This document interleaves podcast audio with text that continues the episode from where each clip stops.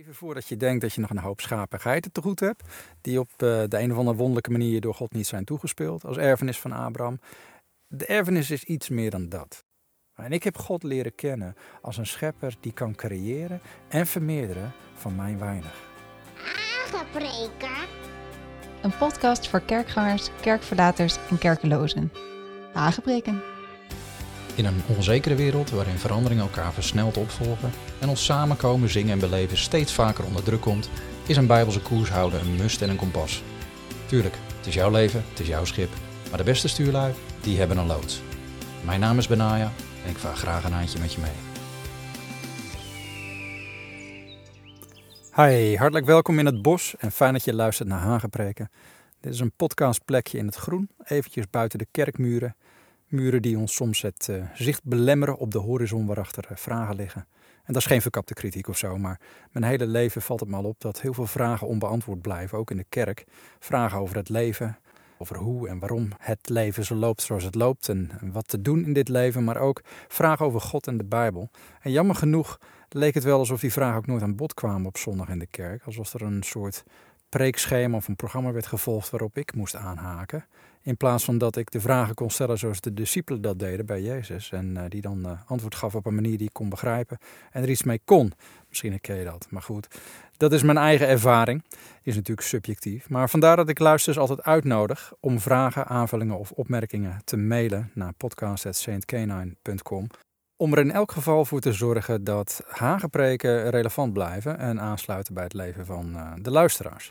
En daarom hier in de vrije natuur, buiten de preekpaadjes die we gewend zijn, verlangen we onze discipelschapsroute op een manier te bewandelen die dicht blijft bij uh, wat ons leven raakt. En ik zeg dicht bij de natuur, omdat ik natuurlijk, zoals velen van jullie weten die lange luisteren, in de auto aan het podcasten ben. maar goed. Uh, laten we wel wezen, soms heb je het gewoon nodig. Een beetje bos en heide, wat frisse lucht of gewoon wat lucht.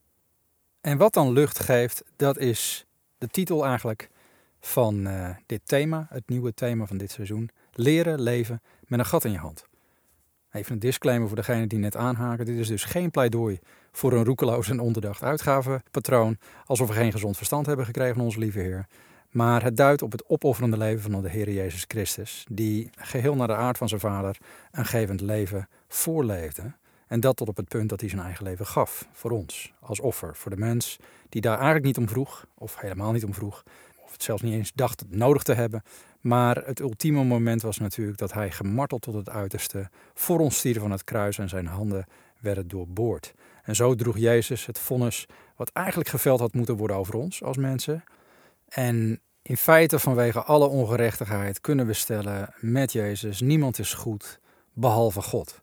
En zo is het. En dat heb ik al vaker uit de doeken gedaan. Maar wat wel rotsvast staat is: God is goed. Hij is oneindig goed. Hij is, ik zou willen zeggen, waanzinnig goed. Zo goed dat we kunnen en mogen boeken op elk woord wat hij spreekt. En vorige keer hebben we gezien dat de schepper niet schroomt om zijn woorden vast te leggen. En dat doet hij in een verbond. En zo'n verbond is de garantie dat bepaalde dingen vaststaan tussen ons en hem.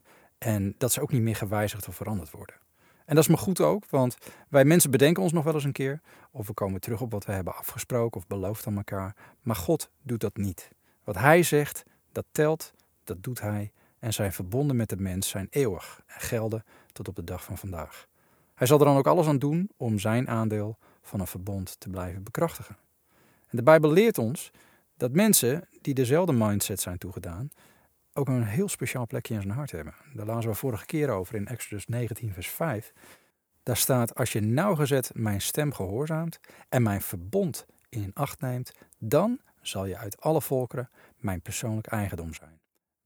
Persoonlijk eigendom in het Hebreeuws is het woordje segula, dat betekent bijzondere schat. Het is namelijk één ding dat hij zich aan zijn verbond houdt. Maar een verbond wordt nooit enkelzijdig gesloten. Dat vraagt om twee partijen. En er wordt dus bevestigd en bekrachtigd als ook de ander de waarde van het verbond inziet en daarin mee gaat bewegen. Maar dat doen niet veel mensen, dus dat maakt degene die het wel doen heel bijzonder. het mooie is dan dat op het moment dat je dat doet, dan krijg je diezelfde verbondsmindset En dan ga je dus ook echt op hem lijken, want hij is goed, hij is een goed God en zijn woord is zijn woord. Maar dan worden wij ook werkelijk, nou ja, wat we in het Nederlands zeggen, een man een man, een woord een woord. Dan kan God ook op ons gaan boeken. En nu zal hij nooit blind varen op ons, want hij kent onze zwakheden. Maar hij vindt het wel heel bijzonder als we daar naar streven en als wij diezelfde mindset gaan aannemen. Nou, vorige keer zagen we al even in vogelvlucht dat God een zevental van dit soort verbonden sloot met de mens. De eerste was met Adam, het tweede met Noach en het derde met Abraham. En daarna met Mozes en het volk Israël. Specifiek nog eentje met David. En uiteindelijk maakte de Heer Jezus een nieuw verbond met degenen die in Hem geloven als redder en Heer van, van hun leven. Maar wat al deze verbonden zo bijzonder maakt, is dat die verbonden nog eens doorwerken over ons leven en tot in onze tijd, hoewel we het niet hebben meegemaakt dat het gesloten werd. En er kan soms wel 6000 jaar tussen zitten. We zagen ook dat het ene verbond op het volgende verbond doorbouwde. En zo haalde ik vorige keer aan wat Paulus ons vertelde in Galaten, namelijk dat wij Abraham tot vader hebben als we geloven in de Heer Jezus Christus. En letterlijk zegt hij, ik pak er nog even bij, Galaten 3, vers 6 begint dat. Zoals Abraham God geloofde en het hem tot gerechtigheid werd gerekend, begrijp dan toch dat zij die uit het geloof zijn, Abrahams kinderen zijn. En de schrift, die voorzag dat God uit het geloof de heidenen zou rechtvaardigen, verkondigde daarvoor al, eertijds, aan Abraham het evangelie. Dat is bijzonder. En wat was dan het evangelie? Namelijk, in u zullen al de volkeren gezegend worden. En daarom worden zij die uit geloof zijn gezegend, samen met de gelovige Abraham. Een prachtige tekst, maar het kan zijn dat je er nog nooit bij stil hebt gestaan, of nooit echt bij stil hebt gestaan. Dat zou, het zou me niet verbazen. Ik deed dat vroeger namelijk ook niet. Veel christenen denken dat we met name te maken hebben met het Nieuwe Testament, het Nieuwe Verbond. En dat het Oude Testament ja, meer een soort verslag is van wat er voor ons is gebeurd. geschiedkundig en ons tot voorbeeld natuurlijk, maar meer niet. Maar toch geldt die uitspraak uit Exodus 19, vers 5, dat wij een bijzondere schat voor God kunnen zijn, dat geldt wel degelijk voor ons. Want als wij ook luisteren naar zijn woorden en zijn verbond houden, dan maakt dat ons heel bijzonder en heel bruikbaar ook voor God. En daarom doen we er goed aan om ons te verdiepen in wat God voor verbond sloot met ons als mensen. En doen we dat, dan ontdekken we als eerste dat het voorwaardelijke verbond wat God sloot met Adam nog steeds van kracht is. En laten we wel wezen, omdat wij de marges overschreden van de veiligheid die God had gesteld, zijn we gedoemd voor eeuwig. We zijn gedoemd om zijn paradijselijke aanwezigheid te moeten missen. Jezus moest sterven vanwege de overtreding van het eerste verbond. En het tweede verbond, wat God met Noach maakte, haakte hier verder op in. Het feit, vertelde ik vorige keer, dat we nog steeds een regenboog zien wanneer de zon door de regen breekt, dat laat ons zien dat God een belofte heeft gemaakt die nog steeds telt. Namelijk dat hij de aarde nooit meer met een vloed zou verwoesten. Dat staat nog steeds als een, nou ja, ik zou zeggen als een paal boven NAP. Maar ook diezelfde regenboog, die herinnert ons ook aan de bereidheid van God om te oordelen over zonde. En ook dat geldt nog steeds. Maar ook het verbond met Abraham is nog een verbond wat van kracht is. Want om nog even terug te grijpen op die tekst van zo net uit de Galatenbrief. In Galaten 3 vers 29 zegt het, als u van Christus bent, dan bent u Abrahams nageslacht. En overeenkomstig de belofte erfgenamen. God maakte belofte aan Abraham toen hij een verbond met hem sloot. En als erfgenamen plukken wij de vruchten van die erfenis. Of zoals we lazen in vers 9, om, als je uit geloof bent, ben je gezegend samen met de gelovige Abraham. Nou, mocht je iemand zijn die denkt, ik hou me voornamelijk bezig met het Nieuwe Testament, dan is dit toch wel je hint om eens even te kijken wat de zegen van de gelovige Abraham dan precies inhield. Want kennelijk heeft God bepaald dat die zegen ook geldt voor jouw leven. We zijn blijkbaar niet alleen mede-erfgenaam van Christus, hè, zoals Romeinen 8 vers 17 zo mooi zegt, maar ook de zegen van Abraham is deel van onze erfenis. En dat is bijzonder. Nou, even voordat je denkt dat je nog een hoop schapen en geiten te goed hebt, die op eh, de een of andere wonderlijke manier door God niet zijn toegespeeld als erfenis van Abraham. De erfenis is iets meer dan dat. De zegen van Abraham spreekt niet alleen van Gods voorziening aan Abraham, uh, of aan zijn nageslacht direct daarna. De zegen van Abraham laat vooral ook zien de manier waarop God zijn hart laat gelden in deze wereld. En om dat duidelijk te maken moet ik even een aanloopje nemen. Want in het Oude Testament lezen we dat God zijn verbond koppelt niet alleen aan zijn trouw en zijn betrokkenheid in je leven, maar ook aan zijn voorziening en bescherming. Dat betekent niet dat hij, zoals veel voorspoedspredikers graag je willen vertellen, je alles in je schoot werpt. Hoewel ik al vertelde in een vorige aflevering dat er een plek is voor de zegen van de Heer die je niet met zwoegen kan verkrijgen. Er is nog steeds een plek voor werk in ons leven. Maar ook dat is weer een zegen van God. Niemand minder dan God zelf geeft ons het vermogen om te werken en om middelen te verkrijgen om van te leven. Nou, mocht je dat lastig vinden, dan neem ik je even mee naar Deuteronomium 8, vers 18. Want daar staat heel mooi: U moet de Heere uw God in gedachten houden, dat Hij het is die u de kracht geeft om vermogen te verwerven, opdat Hij het verbond zou bevestigen dat Hij onder ede met uw vaderen gesloten heeft, zoals het op deze dag nog is. Nou, dat is een prachtige tekst met een hele krachtige belofte. Het begint allereerst met wat waarschijnlijk de oplossing is voor het gros van onze problemen. U moet de Heere uw God in gedachten houden. Aan God denken. Hoe vaak doen we dat als eerste? Zo weet ik nog dat ik de switch maakte van mijn leven en werk in het buitenland, op het terug naar Nederland. Dat was echt een enorme stap. En dat doe ik niet alleen op de counterculture shock, de shock om terug te komen in eigen land en daar weer aan te wennen na zeven jaar. Maar vooral wat een enorme stap was, een shift, was de manier van leven. Um, enerzijds wat ik gewend was geraakt, de afhankelijkheid van God. En dan terug naar de Nederlandse interpretatie van zo'n afhankelijkheid. En doordat ik jarenlang had geleefd zonder werkgever en zonder dat alle risico's keurig waren afgedekt, hè, qua geld, uh, verzekering, pensioen, gezondheidszorg, was mijn eerste reactie altijd op tekort, op ziekte, uh, op onvermogen en noodsituaties de knieval. dat was eigenlijk de enige manier waarop ik letterlijk kon terugvallen. Uh, gebed. En mijn hulpvragen dropte ik bij God. En met mijn beste puppyblik omhoog kijkend, eh, zocht ik een antwoord of een oplossing. En dat is een, een onzichtbaar geestelijk vangnet. Um, wat een feilloos backup systeem bleek te zijn, al die jaren. Maar toen ik eenmaal iets te goed was ingeburgerd in Nederland, betrapte ik mezelf er steeds vaker op dat mijn primaire reactie een natuurlijke was geworden. En dat wil zeggen, mijn banksaldo even checken, uh, toch even de dokter bellen, uh, een adviseur inschakelen, een kruiwagen zoeken voor een stukje werk, enzovoort, enzovoort. Maar Gods advies aan ons is: denk eerst aan mij. Ja, en dat weten we ook wel, maar weten en dit als een soort default, als een standaardreactie hebben, ja, dat is twee. Maar boeiend genoeg zegt God in deze tekst dat Hij degene is die ons kracht geeft.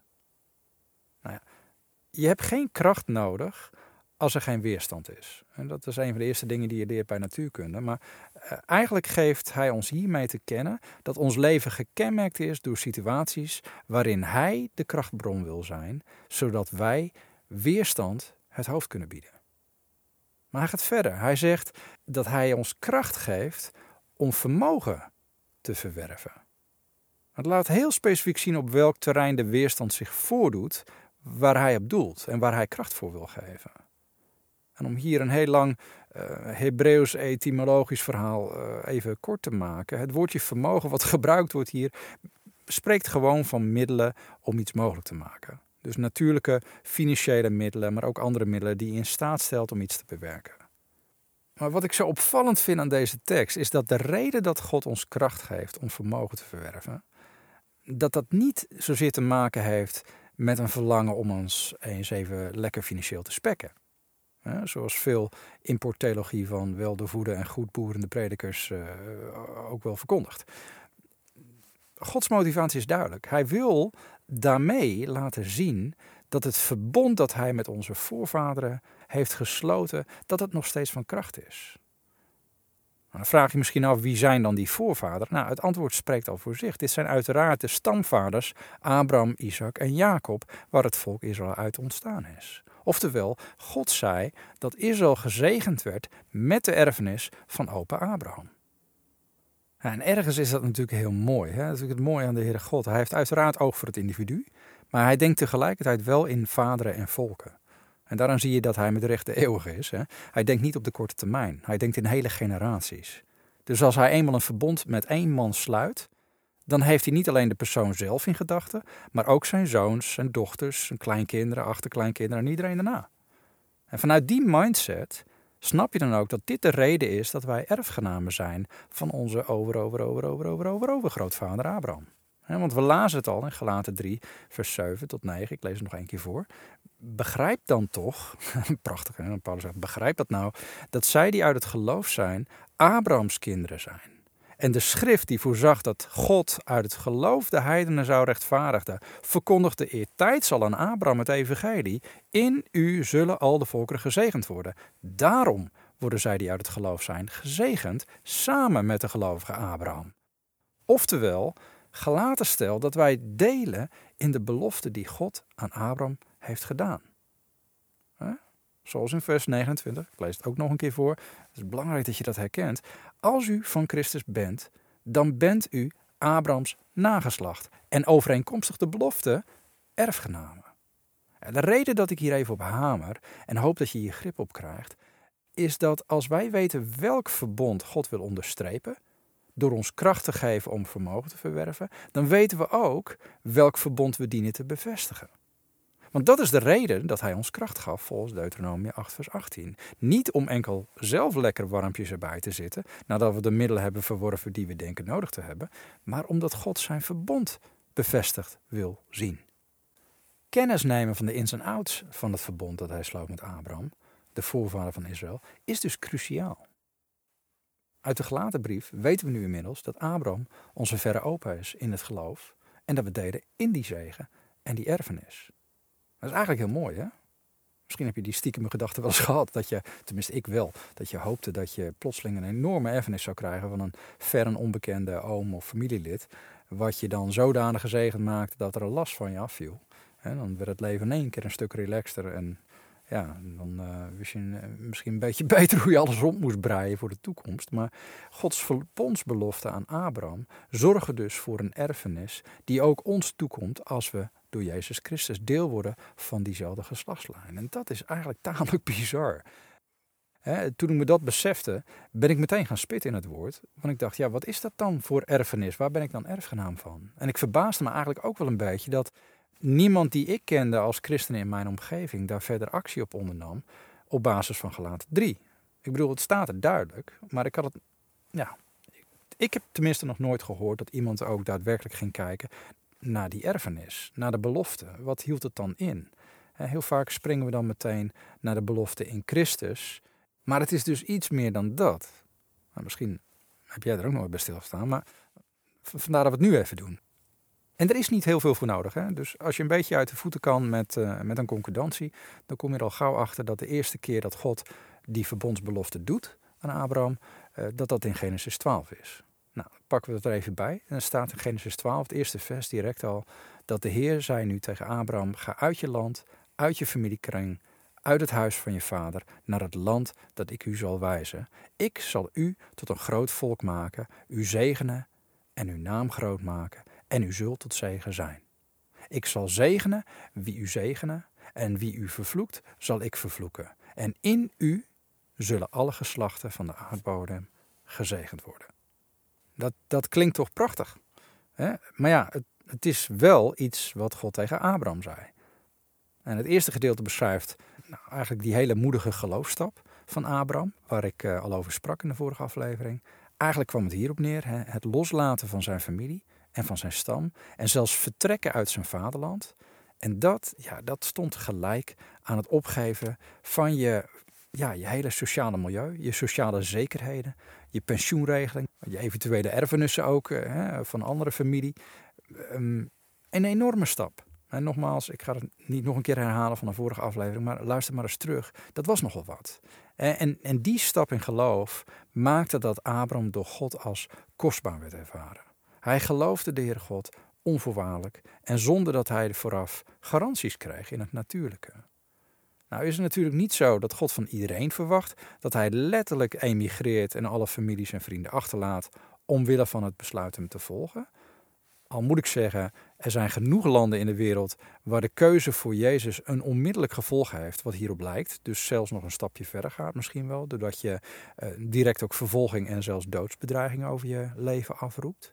Maar gelukkig hebben wij nog steeds godsdienstvrijheid in Nederland. Al zal ook hier op termijn, volgens de Bijbel, een haat komen tegen christenen. Dat zal in de eindtijd op een gegeven moment globaal zijn, over de hele wereld. Een, zekere antipathie maken we nu al een beetje mee, maar uiteindelijk zal er een antichristelijke tiran opstaan die ons zelfs zal verplichten om te kiezen tussen financiële zekerheden of de Heer Jezus. Echt moment suprem, wordt heel bijzonder.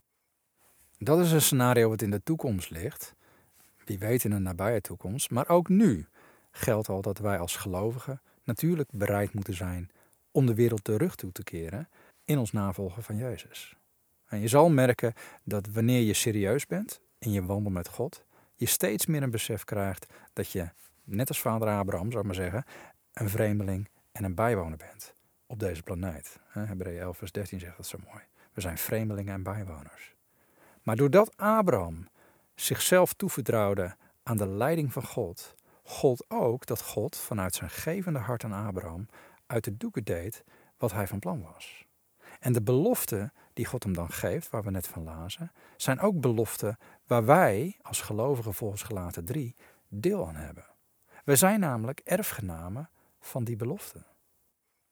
Nou, wat zijn dan precies die beloften, vraag je misschien af. Nou, dat lezen we dus in Genesis 12 voor het eerst. En het eerste wat we daar lezen is dat God zegt, ik zal je zegenen. Of beter gezegd, hij garandeert hier eerst dat Abraham een nageslacht zou hebben. En dat dit nageslacht tot een groot volk zou worden en dat hij hem zou zegenen. Best een aparte volgorde eigenlijk. Sowieso is een nageslacht al een zegen op zich, zou je zeggen. Maar God geeft specifiek aan hoe hij Abraham wil zegenen. En dat begint dus voor God met het geven van een nageslacht. Ja, zelf denk ik dat God dit als eerste noemde omdat Abraham en Sarah een probleem hadden. Ze hadden een duidelijke kinderwens. En uiteindelijk waren ze ervan doordrongen dat menselijk gesproken de hoop eigenlijk vervlogen was. Ze waren gewoon te oud geworden voor kinderen. Dat is heel realistisch. Dat domineert je denken. En mijn vrouw en ik konden eerst ook geen kinderen krijgen. Dus ik ken die strijd. En je ziet iedereen om je heen met kinderwagens en speelgoedjes. En al je vrienden zitten tot aan een oorlellen in de kroost. En gaandeweg groeit dat allemaal door tot tienerniveau. En jij, je bent alleen samen met je vrouw. En alle mooie vakanties die je dan samen kan doen, dagen in huis blijft het stil. En ook voor ons was het zeven jaar lang was het hopen, huilen, opnieuw voorzichtig een beetje hopen en dan toch weer tranen. Totdat we kwamen op het punt dat de medici ons vertelden dat een ingrijpende beslissing moest worden gemaakt, een operatie die de onmogelijkheid helemaal definitief zou maken en onderstrepen. En dat was het moment waarop God ingrijpt. Dus nu hebben we vier kids. En de gynaecoloog destijds die zei al, nou, dit is echt wel een wonder. Ehm, nu is het eerder zoeken naar een stil plekje in huis omdat we ze wat verzuipen in de wonderen. Maar goed, nooit klagen over je zegeningen, zeg ik dan altijd maar. Maar omdat we dit zelf hebben meegemaakt, waardeer je ergens de liefde van God dat Hij niet eerst over de zegen praat, over zegen in het algemeen, maar direct de vinger op de zere plek legt. En belooft zo van, Abraham, ik ga eerst eens even zorgen dat jullie papa en mama worden. Ik vind dat een ontroerend stukje in de Bijbel. Het laat de betrokkenheid en ook het inlevingsvermogen van ons lieve Heer zien, waar, waar je het meeste mee zit en, en, en waar je het meeste mee rondloopt, dat ontgaat hem niet. En in zijn liefde voor Abraham bevestigt God deze belofte zelfs een aantal keren. Genesis 15 lees je het in 17 en 18. En, en ook dat laat zien dat God weet waar je ook je grootste geloofstrijd is, want dat is een strijd. En tegelijkertijd is dat ook het mooie. Als je naar hem hebt leren luisteren, dan kan hij je ook bemoedigen met zijn woorden keer op keer. Dat, dat, dat is iets wat je dan ook ontvangt of wat je dan ook op, op gespitst bent. En geloof je die specifieke woorden aan jou, ja, dan wordt wat eerst gewoon een sterke wens was, uiteindelijk een diepe zekerheid. En, en dan zul je zijn belofte werkelijkheid kunnen zien worden in je leven. En daarom is het verstaan van Gods stem in je leven ook zo belangrijk. En zo heb ik zelf wel meer sterke wensen gehad in mijn leven. En toch weet ik inmiddels dat veel van die wensen gewoon eigenlijk verlangens waren. Geen slechte verlangens, maar ik weet ook dat ik niet een specifiek woord van God kreeg. Een aanwijzing dat hij ook daadwerkelijk iets ging doen met die verlangens. En soms was dat maar al te goed ook, maar andere keren baalde ik daar weer van. En dan zat er niets anders op dan, ja, misschien gewoon realistisch te accepteren dat God kennelijk een andere weg had gekozen voor mij. Al moet ik wel even zeggen dat ik je aanraad om daar niet te snel op in te steken. Ehm, ik heb namelijk te veel mensen gezien die het kopje lieten hangen en de hoop opgaven, terwijl God nog niks had gezegd. Ze gingen er alleen van uit dat God stilzwijgen ook een, een bepaald afkeuren was van zijn kant. Ja, wat kan ik zeggen? Ik zou daarmee uitkijken. Gods zwijgen is namelijk enkel dat, stilte. En dat wil niet per se zeggen dat hij je gebeden of verlangens afkeurt. Het betekent gewoon dat hij nog niks heeft gezegd. En het is beter om er dan ook maar niet meer van te maken. Want de Bijbel zegt tenslotte dat wij leven door elk woord wat de mond Gods uitgaat, zoals zo mooi in Matthäus 4, vers 4 staat. Oftewel, eh, je hebt misschien een onvervuld verlangen, gebed wat God nooit heeft beantwoord, maar denk niet te snel, hij zal wel een andere weg voor mij hebben gekozen. Ik bedoel, het feit dat Abraham en Sarah als 80 en 100-jarigen pas de vervulling kregen van hun verlangen, laat zien dat zo'n conclusie op Gods tijdslijn al gauw prematuur is. Hè? En, niets is zeker totdat God spreekt. En natuurlijk is het heel logisch om na verloop van tijd de hoop op te geven. Dat is menselijk, dat deed Abraham en Sarah ook. Maar we zijn niet geroepen tot fatalisme, snap je? We worden door God uitgedaagd om Hem te zoeken en dat net zo lang totdat we Zijn stem horen. Eh, even een konijnenpaadje, maar ik denk dat het niet onbelangrijk is. Geef niet te snel op. Blijf zoeken, blijf kloppen, blijf vragen en trek geen conclusies totdat hij antwoordt. Eh, geen woord van God, wat voor woord dan ook, is niet meer dan dat. Maak van zijn stilte niet een antwoord. Het is gewoon stilte. En dan weet je ook meteen de reden waarom ik elke uitzending ook mijn laatste advies geef. Blijven luisteren. Blijven koers houden naar de woorden van God. Goed. Terug naar het verbond. God zou Abraham zegenen. En ook voorbij het krijgen van kinderen. En, en voorbij een heel nageslacht. Want hij zegt als tweede: Ik zal je naam groot maken. Nou, wat betekent dat? Eigenlijk betekent dit gewoon dat het niet onbekend zou blijven dat Abraham inderdaad door God werd gezegend. Dus telkens wanneer mensen het over Abraham hadden, zeiden ze: Wauw, die man die is echt bijzonder gezegend. Moet ik wel zeggen, dat ik ervan overtuigd ben dat Abraham wel iemand was die assertief genoeg was om mensen dit ook nog eens voor te houden. En sowieso kon hij de koning van Sodom lik op stuk geven, en dan ben je niet erg timide. Maar wat dit betreft liet hij zich ook nog eens een keer Abraham noemen. Van Abraham naar Abraham. En Abraham betekent vader van vele volkeren. En dat was lang voordat hij ook daadwerkelijk een zoon kreeg. Ja, ik mag dat wel. Een stukje attitude van open Abraham. Ik denk ook dat als jij je gezegend weet door God, je dit niet onder stoel of banken hoeft te steken. Dan mag je, nee, dan, dan moet je mensen misschien wel mee confronteren. Juist omdat de zegen van God zo ongewoon is, zo onmogelijk om zelf voor elkaar te boksen, dat je door erover te spreken ja, een soort onomstotelijk getuigenis achterlaat. Zoiets knaagt aan mensen hun denken. Daarmee is het ook nog eens een keer dat de Bijbel ons vertelt dat we de wereld onder andere overwinnen door de kracht van ons getuigenis, hè, openbaring 12. Maar het lastige van een getuigenis voor mensen is dat jouw verhaal met God niet afgeserveerd kan worden als gewoon maar een mening. Want over een mening kun je discussiëren. Het getuigenis van hoe God jou zegende, hè, en of dat nou is met middels een gebedsverhoring, een baan, een genezing, een doorbraak of, onverwachte andere zegen, wat het ook is, het is een geloofsovertuiging plus een ervaring die jij hebt. En degene met een mening legt het altijd af tegen degene met een mening en een ervaring.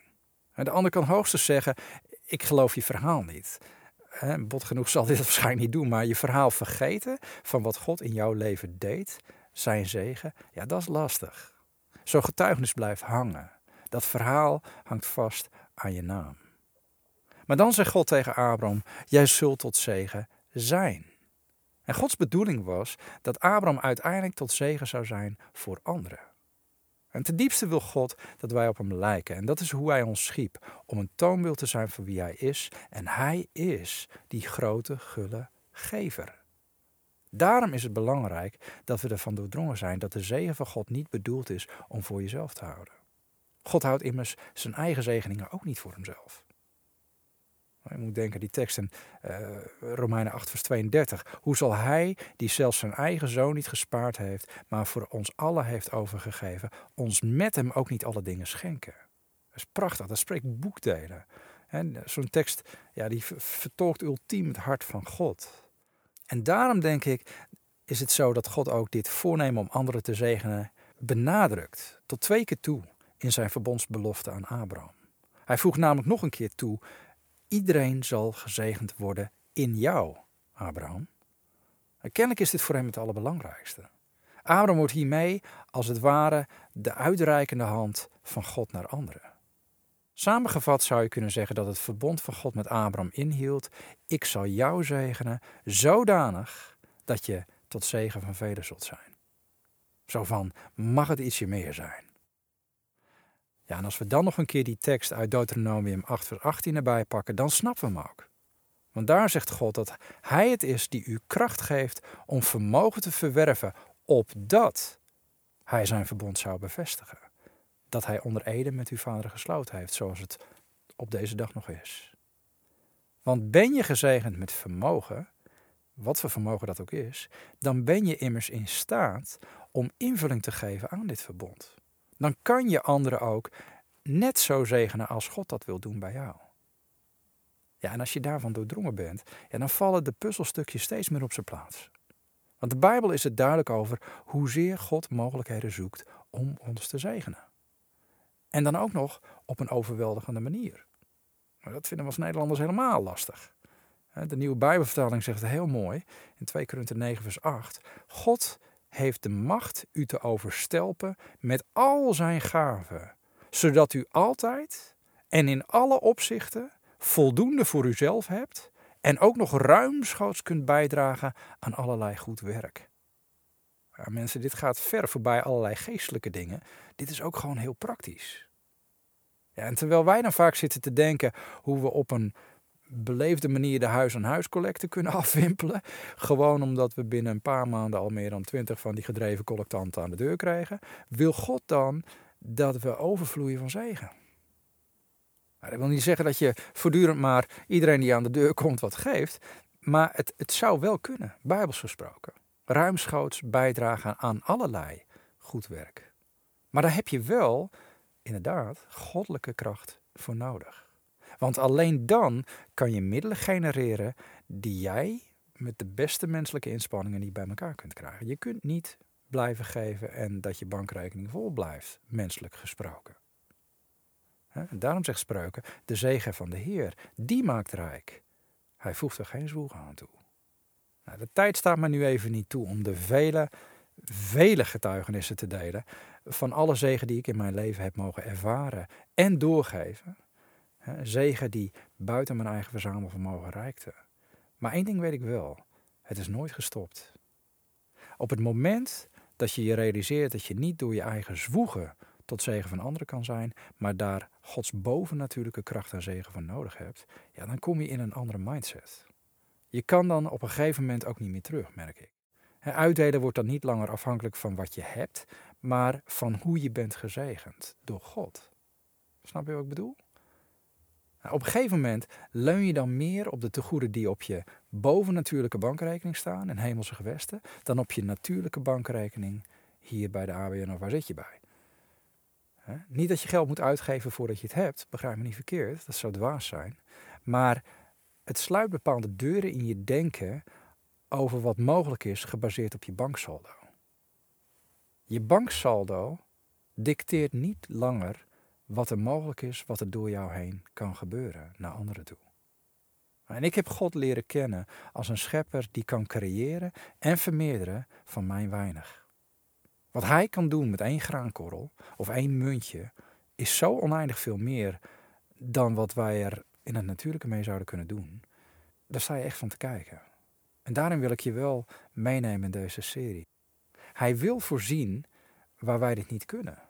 En hij beperkt zich niet tot onze bankrekening of onze menselijke kracht om vermogen te verwerven, maar hij staat ons bij met zijn goddelijke kracht. En waarom? Omdat hij van plan is om zijn verbond gestand te doen en anderen te zegenen door ons. En meestal ondanks ons, zodat de eer naar hem toe gaat. En dat is wat je noemt rentmeesterschap. Daar gaan we nog meer over hebben. Hoe zit het met jou? Beschouw jij je bankrekening, je bezit en je andere middelen als vrucht van je eigen harde werken? Zie jij je fysieke gezondheid misschien ook als, je, als een direct gevolg van je eigen sportdiscipline of gezonde levensstijl? Of je mentale vermogen als jouw eigen verdiensten en je diploma's? Het is ons mensen zo eigen om te zwoegen en de credit te nemen voor onze eigen zegeningen. Maar wie door God wordt gezegend, die is gezegend. En dat brengt een bepaalde ontspanning, omdat je weet dat je niet voortdurend hoeft te zwoegen om die zegeningen te blijven veiligstellen. Het is je erfdeel op basis van een verbond. Ik hoop dat je gaandeweg beseft dat je deel bent van dit verbond. Een verbond waarbinnen de zegeningen die je ontvangt, misschien zelfs ook je tijd en je talent en vermogen, dat die bedoeld zijn om door te geven. Dat is het verbond. Leven om te geven. Besef jij je dat je net als Abraham gezegend bent om anderen tot zegen te zijn? Dan bevestig je zijn verbond. Nou, inmiddels vraag je misschien af, ja, maar hoe ver gaat dit dan, Benaja? Hoeveel hoor ik anderen dan te zegenen? Hoeveel moet dat dan? Ja, dat hangt er vanaf. Als jouw bezit en vermogen je schat is, dan zal gevend leven moeilijker zijn. Maar misschien goed om daar een volgende aflevering eens naar te kijken. Hoe we de dingen die we waardevol vinden en hoe we naar geld kijken eens vanaf een andere kant dan gebruikelijk kunnen bekijken. Want het zit hem niet in de hoeveelheid. Dat is eigenlijk de verkeerde vraag. Maar dat is voor de volgende keer. Voor nu, blijven luisteren, blijven koers houden naar de woorden van God.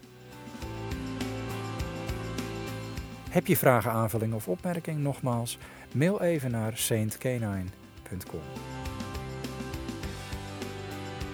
En zeg je nou, dit was tof Benaya, dankjewel, ik heb weer wat geleerd.